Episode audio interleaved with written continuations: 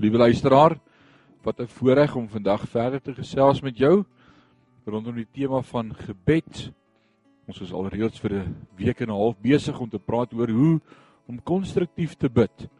Hoe om vir langer te kan bid, hoe om vir verskeie goed te kan bid en gefokus te wees ook in my gebedslewe.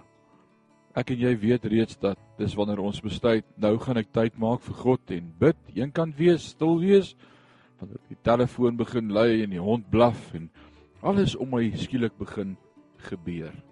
Hierdie help my, hierdie struktuur of raamwerk help vir my om gefokus te bid en ons het gekies die tabernakel van Moses, daar die tent van samekoms in die Ou Testament vanaf Eksodus 25 aan waar God vir Moses die opdrag gee hoe moet hierdie tent lyk en wat moet daar alles in hierdie tent wees en dan sien ons die laaste meubelstuk in die allerheiligste. Was die plek van aanbidding gewees. Eksodus 26 vers 34 sê jy moet vir die versoendeksel op die ark van die getuienis neerlê in die allerheiligste. Die laaste pouse in die tabernakel is agter die voorhangsel in die allerheiligste waar die Sabbat die sigbare, tasbare teenwoordigheid van God teenwoordig was.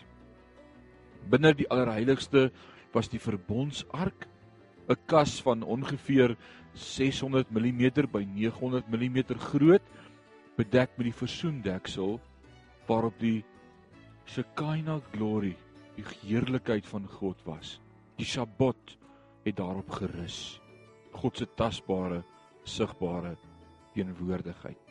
Slegs die hoëpriester en aanleenlik op die dag van verzoening was toegelaat om die allerheiligste te betree. Sou hy hier ingaan met enige sonde wat hy nie bely het nie, sterf hy onmiddellik. Die Jesus uitgeroep het, dit is volbring, skeur hierdie voorhangsel in die tempel van bo tot onder.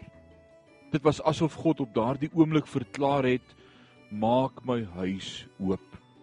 Enige mens, elke mens kan enige tyd met my teenwoordigheid kom staan omdat die bloed van my seun Jesus Christus jou perfek en heeltemal skoon gewas het van jou sonde. Die voltooide werk by die kruis bring mee dat ek sondige mens wat ek is, die heerlikheid en die glorie, die Sabbat teenwoordigheid van God kan ervaar. Dit is hier waar ek aanbid. Hoe aanbid ek? Ek wag vir God. Wat beteken dit om vir God te wag? Veronderstel jy sit in 'n restaurant en die kelner sê vir jou wat jy moet bestel.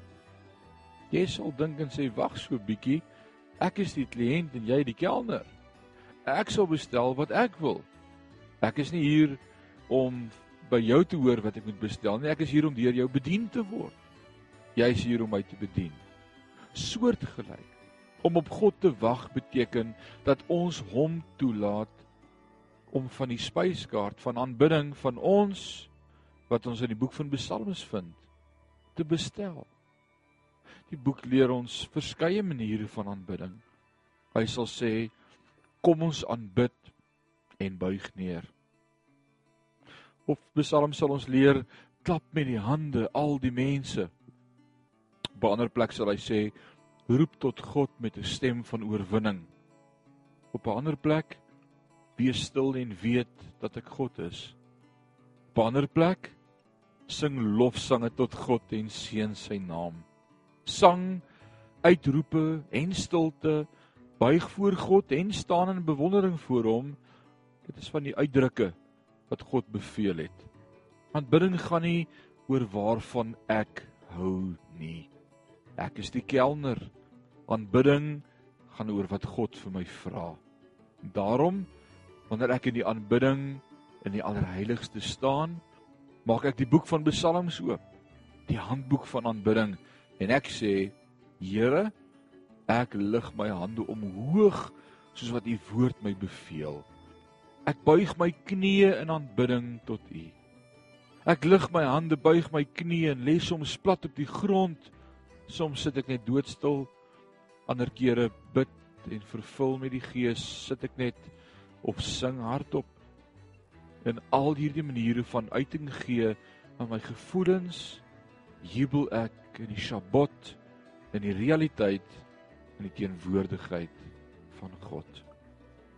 Ek bid vir jou dat jy in hierdie dag tyd gaan maak vir God se heerlikheid in jou lewe. Kom ons bid saam. Ewige God en Hemelse Vader, ons sê vir U so baie dankie dat ons in U teenwoordigheid mag kom. Dankie vir die voorhangsel wat geskeur is. Dankie vir die bloed van Jesus Christus wat vir ons verzoening bewerk het by die Vader. Dankie dat ons nader mag kom en U aanbid soos wat U verlang. Help elkeen van ons met die vrymoedigheid om na U toe te kom. Nie dit waarmee ons gemaklik voel nie, maar dit wat U van ons wil hê. Aanbidding gaan nie oor ons nie, maar aanbidding gaan oor U. Aan U dan al die lof en al die eer en al die aanbidding van ons harte. Is ons gebed in Jesus naam. Amen.